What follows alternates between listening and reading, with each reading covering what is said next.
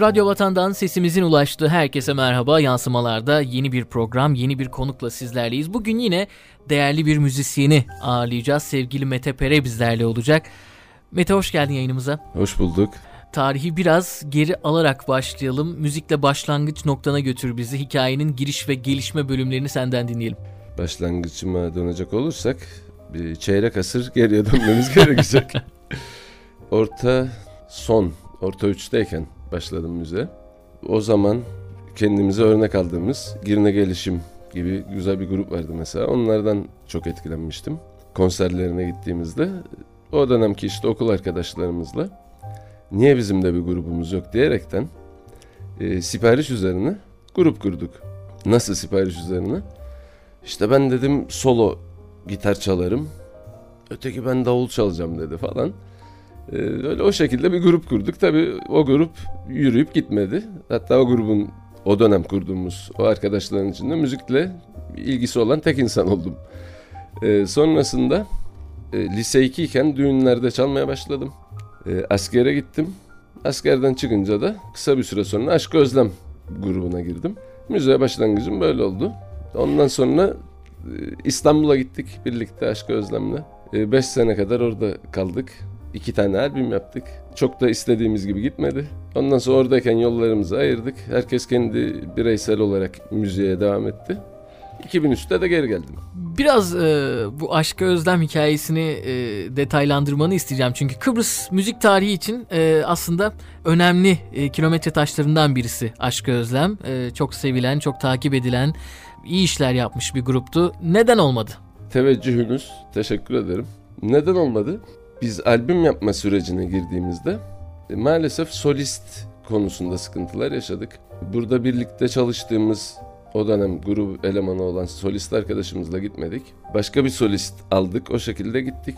Ondan sonra tam albüm kayıtları bitti. O gittiğimiz solist geri döndü Kıbrıs'a derken bizim davulcumuz Tarık'la gitaristimiz Veli döndü kayıtlara girdi. Onlar iki gün içinde bütün şarkıları okudu.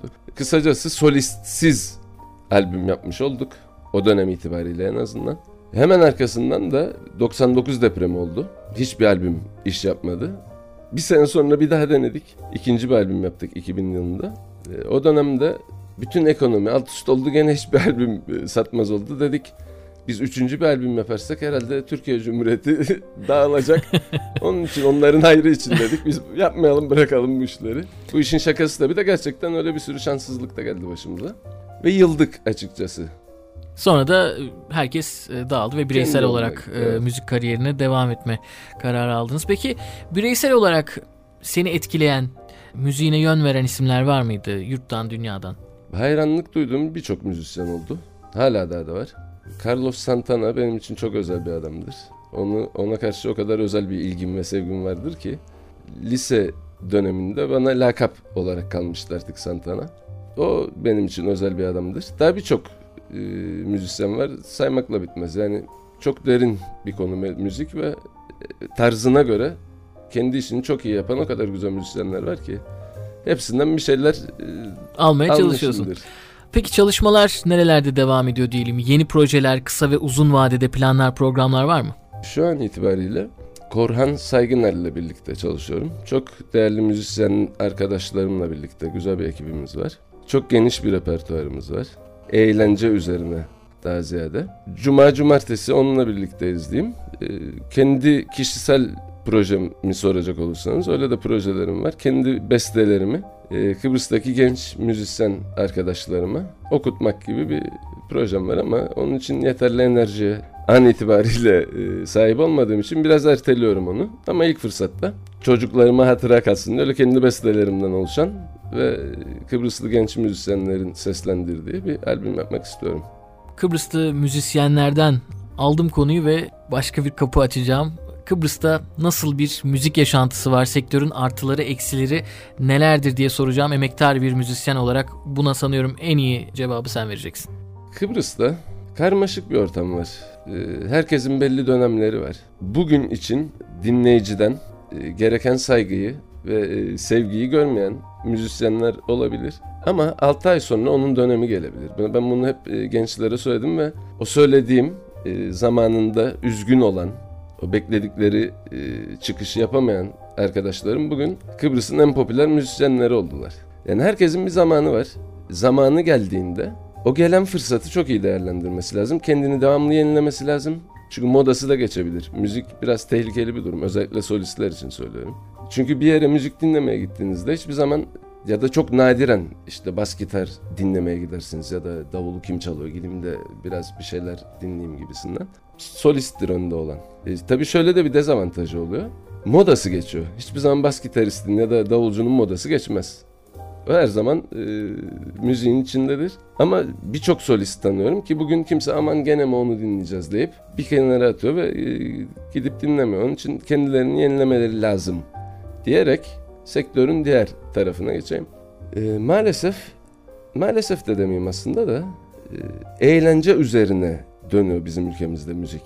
Halbuki müzik sadece eğlence anlamına gelmez. Hani dinletidir, konser edasında geçmesi de gerekir bazen programların ama biz de devamlı istek şarkılar yazıp işte eller havaya moduna geçmek isteyen bir kitlemiz var. Onları da suçlamıyorum. Yani onlar da eğlenmeye gidiyor ama hani İstanbul'da da 5 sene kalıp orada da müzik yapmış biri olarak şunu söyleyebilirim ki orada ayrılmış vaziyette. Yani bir mekana gittiğinizde oraya gelecek olan müşterinin nasıl bir kitle olduğunu bilerek gidiyorsunuz. Yani eller havaya istiyorsa o bellidir. Oraya güzel müzik dinleyip sizi takdir etmeye gelecek insanların olduğu bellidir.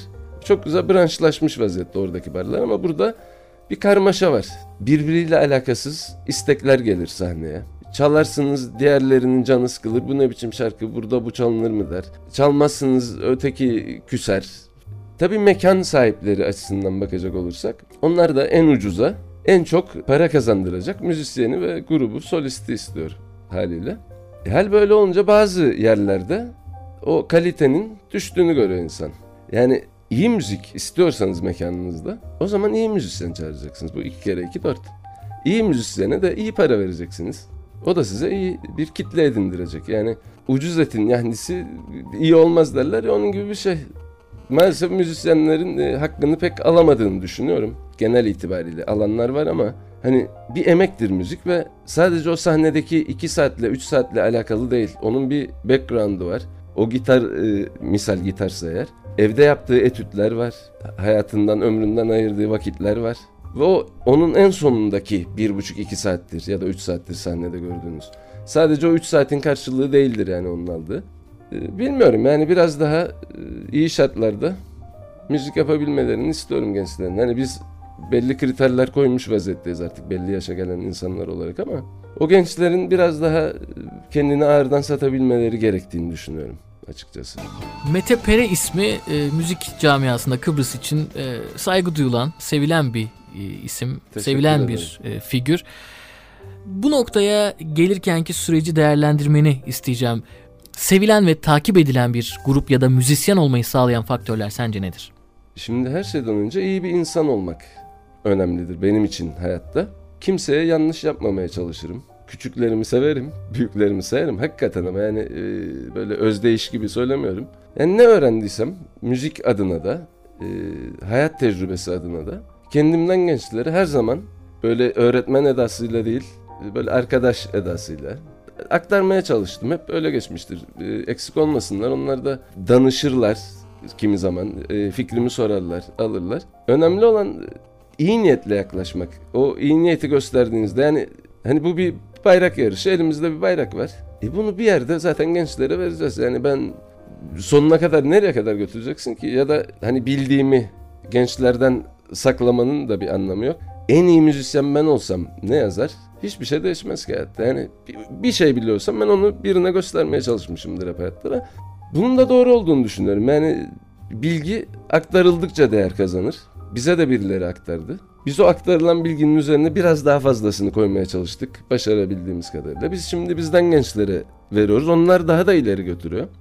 Yani biz ilk müzik yapmaya başladığımızda İngiltere'den e, video kaset getirtiyordum. E, nasıl daha iyi bas gitar çalarımın çaresini bulmak için. Şimdi e, internette, YouTube'da herhangi bir isim yazdığınız anda üstad iyi müzisyenlerin hepsinin kasetli şeyleri var. Eğitim videoları var. E, tabii haliyle bu bilgiler her nesilde biraz daha arta arta yukarıya doğru çıkıyor ve sanırım bizden sonraki kuşağın aktaracağı çok daha fazla bilgi olacak onlardan sonraki müzisyenlere. Kuzey Kıbrıs özeline dönersek artık dijital çağdayız. Sosyal medyanın inanılmaz bir yükselişi var. İnsanlar e, sürekli paylaşım içindeler. Artık dinleyicilerinizle daha yakın olabilme e, fırsatını yakalıyorsunuz. Sen nasıl bir sosyal medya kullanıcısısın ya da internetin müzisyenlere profesyonel manada olumlu katkıları olduğunu düşünüyor musun? Çok güzel bir soru. Ee, ben çok aktif kullanamıyorum açıkçası. Yani Instagram'da da varım, Facebook'ta da varım, Twitter'da her yerde varım ama çok öyle yaşam tarzı olarak bunu hani benimseyemedim desem o da yanlış olacak. Çok doğru ve güzel buluyorum. Yani yerinde kullanıldığında ama hani müzik yaptığım mekanlarda şunu da görüyorum bazen. O anı yaşamıyor insanlar. Akılları fikirleri resim çekip paylaşma. Ya tamam resim çek.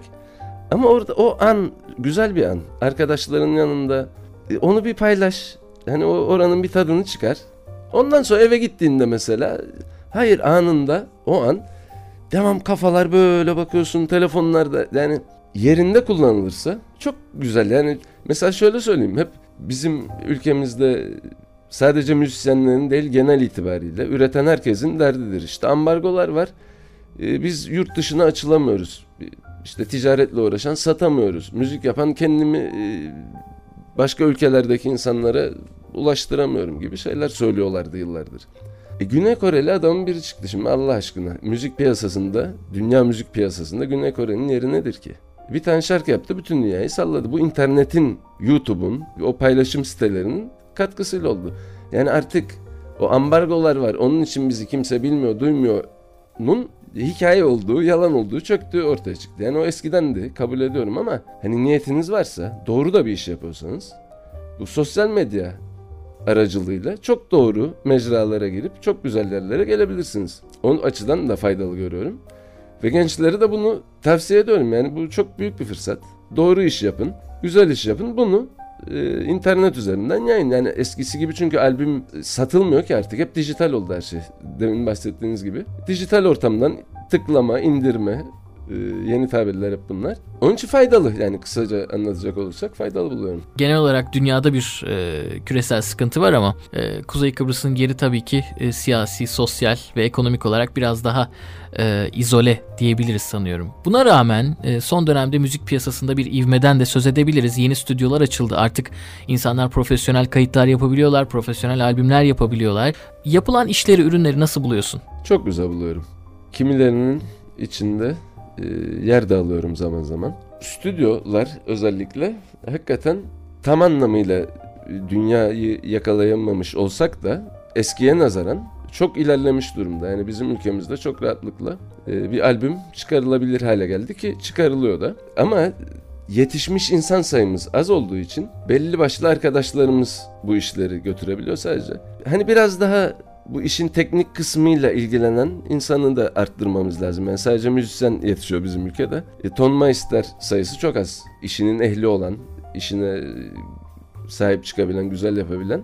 Ama tabii ki çok faydalı. Bu stüdyoların artması genç müzisyenlerin üretimini de olumlu yönde etkiler. Bir de sponsor konusuna gelelim hazır böyle bu, bu konuyu konuşurken. Bir sürü genç müzisyen var, üreten, bestesi olan. Fakat albüm yapmak çok da kolay değil. Hele kendi ekmeğini kendi kazanmıyorsa, öğrenciyse ya da maddi durumu çok iyi değilse. Hani spora bir sürü sponsor olan firmalar var. Olsunlar. Çok güzel bir şey. Ama bir de sanat tarafı var. Bir de müzik tarafı var. Müziğin haricinde diğer dallar da var. Tabii de ben müzisyenim diye daha ziyade ona örnek veriyorum. Hani bir elinden tutsunlar. Böyle bir güzellik olsun, üretim olsun. Çünkü hep bu üretilen her şey bu ülkenin müzik tarihine geçiyor bir şekilde. Ve ne kadar çok üretirsek onların içinden de güzel eserler çıkacaktır. Yani evde gitar çalıp söyleyen o kadar güzel şarkı sahibi insanlar biliyorum ki kimsenin haberi yok. Ama nereden bulacağım işte o kadar para, nereden gideceğim, nasıl yapacağım falan diye hep gözlerinde bir. Halbuki çok büyük olay değil. Ufacık desteklerle çok güzel albümler olabilir. Umarım e, zamanla bunlar da projelendirilip e, hayata geçer diyelim biz de o zaman. İnşallah. Hayatının farklı bir e, yönüne odaklanalım. Bir sinema projesinde yer aldın. Nasıl bir hikayesi var senden dinleyelim. Evet bir sinema projesinde yer aldım. Çağrı Beyaz'ın yönetmeni olduğu Ölü Bölgeden Fısıltılar diye bir filmdi. Kurmaca belgesel tarzında bir filmdi. Plan sekans çekilen bir filmdi. Bir ay yani 30-35 gün içinde çektik. Kıbrıs'ın, Kıbrıs insanının içinde bulunduğu durumu anlatan, kimi zaman e, röportaj gibi geçen, hani bildiğimiz bu gişe filmi diye tabir edilen filmlerden değil. Yani acaba sonunda ne olacak diye bir heyecan yaratan bir film değil. başı sonu belli. Yani bir sorun var ve insanlar bu soruna soruna değiniyor. Yani o bir heyecan yok.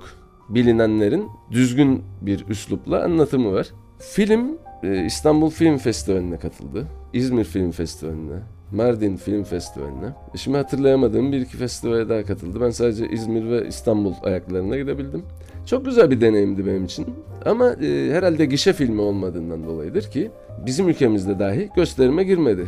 Ya da eleştirel bir filmdi diye girmedi belki bilmiyorum tam. Ama çok profesyonel bir ekipti. Işıkçısından ses kayıtçısına kadar çok şey öğrendim. E, o filmden sonra artık e, seyrettiğim bütün filmlerde mesela oyuncuların ne kadar işine e, vakıf olduğunu çok daha net anla. Yani eskiden e, hani karizmalarıyla değerlendiriyordunuz insanları. Şimdi o sade oyunculukla, doğallıkla çünkü tiyatro değil sinema hani normal hayattan bir kesit gibi daha ziyade. Hani tiyatroda mimikler falan daha yoğun, daha e, büyük büyük oyunculuk diyorlar ona. Hani büyük oyna.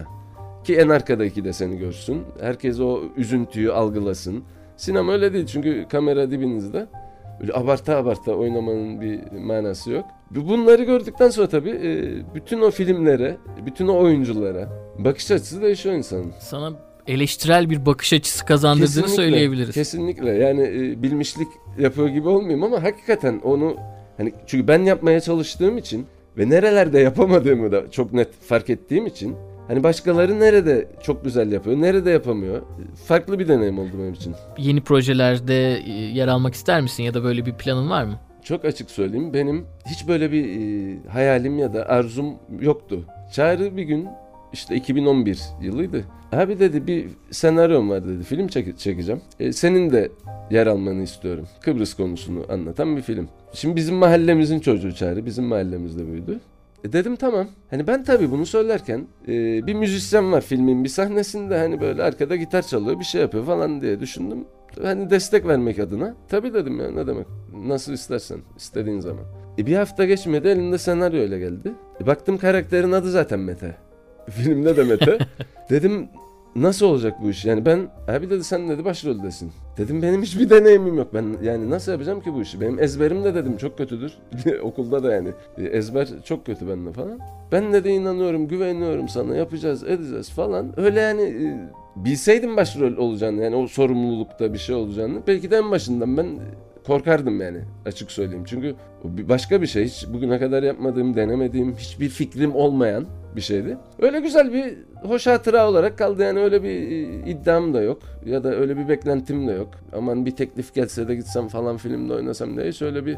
Ama hayat yani bilmiyorum ki. Yani gene belki öyle bir şey çıkarsa bilmem olabilir. Özel hayatında sanatın diğer dallarıyla aran nasıl? Sinemayla, tiyatroyla, edebiyat dünyasıyla? Açık söylemek gerekirse sinema hariç hiçbiriyle iyi değil maalesef. Çok saygı duymakla beraber. O kadar yoğun bir yaşantım var ki ancak eve gidip geç vakitte film seyretmeye fırsatım oluyor. Çok istiyorum tiyatroya gitmeyi. Takip ediyorum basından. Nerede hangi oyun var, e, festivallerde kimler hangi oyunlar gelmiş, nerede oynanmış, tepkiler nasıl. Ama maalesef fırsat bulamıyorum ve çok içimde de kanayan yaradır. Hakikaten çok üzülüyorum ama maalesef fırsatım yok. İnsanlar e, yaşadıkları sürece kendilerine bir takım hedefler koyarlar. Yaşın herhangi bir önemi yok. E, senin kendine koyduğun müzikal bir hedef var mı? Çok fazla hedefim kalmadı. Herhalde emekliliğe yaklaştığım için de bilemiyorum ama. Estağfurullah. Şu albüm yapma hevesimiz vardı. Çok yani epey bir genç yaşta. Ee, Kıbrıs'ta da gayet popüler ve iyi bir durumdayken. Hep şunu e, söylüyorduk kendi kendimize. Küçük denizin büyük balığı olmaktansa gidelim Türkiye'ye, İstanbul'a orada şansımız deneyelim. Büyük denizin küçük balığı olalım. E gittik onu yaptık. Hani çok da hayal ettiğim gibi mi oldu? E, e, teknik sıkıntılardan dolayı işte o solist konusu dediğim gibi maalesef olmadı ama. Aşk Özlem'in bir yeniden toplanma e, gibi bir durumu olabilir mi? Bir e, hatıra albümü bunca yıldan sonra. İki sene evveldi galiba bu Kış Kış Cinler diye bir şarkı yaptık. Girdik kayıt, kayıda girdik yaptık. Hani öyle birinin aklına bir şey gelirse anda arada bir olay ama miadını doldurmuş bir grup. Yani kimi gruplar vardır bir arada 30-40 sene gider. Ya biz çok dolu dolu, çok güzel. Türkiye'de neredeyse gitmedik yer bırakmadık. Haluk Levent'le birlikte e, turneye çıktık. Murat Göğebakan'la birlikte çıktık. Allah rahmet eylesin. Çok farklı şeyler yaşadık. Çok güzel günlerdi ama hani ömrü doldu diye düşünüyorum. Yani arkadaş olarak görüşüyoruz. Hiçbirimizin birbiriyle sıkıntısı yok ama müzikal kafa olarak ya da e, hayat olarak artık çok böyle birbirimizden ayrıldık. Eskiden biz e, hep şey derdik hani karı koca gibiydik.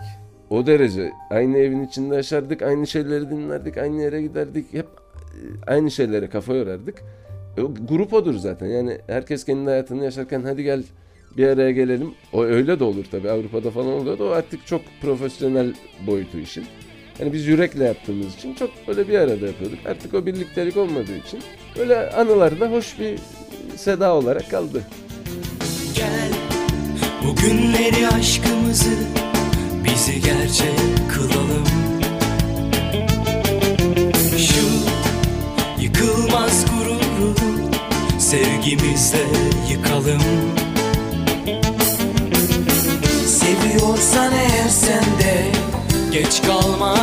aşkını söyle. İster inan ister inanma.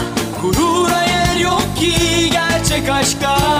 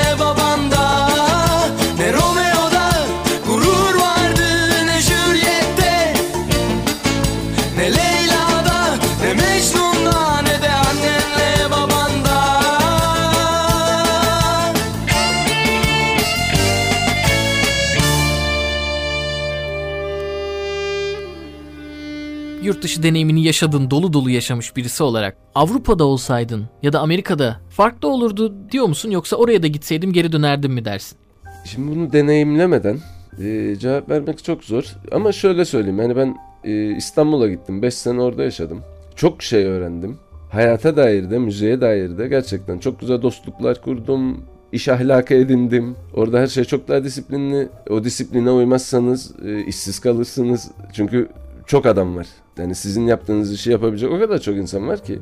Hani burada belki parmakla sayılıyor. Ama orada öyle bir durum yok. Avrupa'da daha da zor olabilir. Bilmiyorum. Gerçi İstanbul Avrupa'dan aşağı kalır hiçbir yanı yok. Müzisyen anlamında da çok kaliteli, e, üstün yetenekli insanlarla dolu.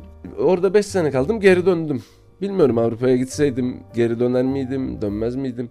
Sonradan gittiğinde dönüyordur ama insan öyle düşünüyorum. Yani çok genç yaşta böyle e, orada büyüdüğünde o ayrıdır da hani buranın havası bilmiyorum. Kıbrıs benim için bir tutku.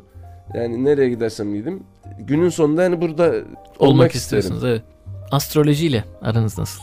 Fena değil. Hangi burcusunuz? Koç. enerjiktir, ataktır, cesurdur. Biraz lider özellikleri olan bir burçtur. Ee, sağlam iradeli, hırslı, egemen, bağımsız karakterli, biraz çabuk sinirlenen, sabırsız, biraz da kavgacı olduğu söylenir. Bunlar size anlatıyor mu? Ee, nispeten. iyi, iyi olanlar aynen ben. ee, çabuk sinirlenirim doğrudur ama art niyetsiz ve e, o sinir de çabuk geçer. Yani öyle kinler biri de değilim. Hani her şeyin dört dörtlük olmasını isterim. O belki yükselen burcumun etkisidir. Orada öyle bir şey göremedim ama hakikaten yani çok fazla işin altına imza atmam. Çünkü isterim ki hani o işin altında imzam varsa çünkü ben kendi kendimi çok eleştiren bir insanım. Yani beni başkasının eleştirmesine gerek yok. Tabii eleştirsinler de. Hani ben zaten kendimi yaptığım bütün işlerde acımasızca eleştiren biriyim. Yani şunu niye öyle yaptım, keşke böyle yapsaydım, burada yanlış yaptım, bunu öyle yapmasaydım diye. Tamamlı ben bunları hep e, muhasebesini yapan biri olduğum için. Doğru ben öyle biriyim. Sevgili Mete Pere keyifli bir sohbetti gerçekten. E, sonunu getirmek bile istemiyorum. E, uzun uzadıya sana ardı arkasına sorular sormak istiyorum ama e, süremizin sonuna geldik. Bir başka program için en azından sözünü almış olalım bu keyifli sohbetin. İnşallah. Ee, Çok so- memnun oldum. Hem tanıştığımıza hem e, konuk edildiğime ve e, katılıyorum. Çok e, keyifli bir sohbet. O, o zevk kesinlikle bize ait. Ederim. Dediğimiz gibi baştan beri bir kez daha altını çizmek istiyorum. Kıbrıs için önemli değerlerden, önemli müzik adamlarından birisin. Son olarak bizi dinleyen genç müzisyenlere, aklında bu işi yapmak fikri olanlara neler söylemek istersiniz? Çok fazla müzik dinlesinler. Farklı farklı tarzları dinlesinler ve çok çalışsınlar müzik e, sonu olmayan bir der ya. Hani ben oldum diyebileceğiniz bir konu değil. Her zaman e, öğrendikçe kendinizi eksik hissettiğiniz bir sanat dalı. Gerçekten samimiyetle söylüyorum. Nota öğrenebilirlerse çok büyük bir artıları olur. Çünkü nota bir dil. Dünyanın neresine gitseler önüne notayı koydu mu çıkar çalar. Onun için nota öğrensinler. Bol bol müzik dinlesinler ve çalışsınlar. Adının önemli müzik adamlarından sevgili Mete Pere bugün konuğumuz oldu. Kırmayıp geldiği için çok teşekkür ediyorum kendisine. Çok keyifli bir sohbetti. Ben teşekkür ederim. Haftaya yeni bir konukla yeniden buluşmak dileğiyle. Hoşçakalın.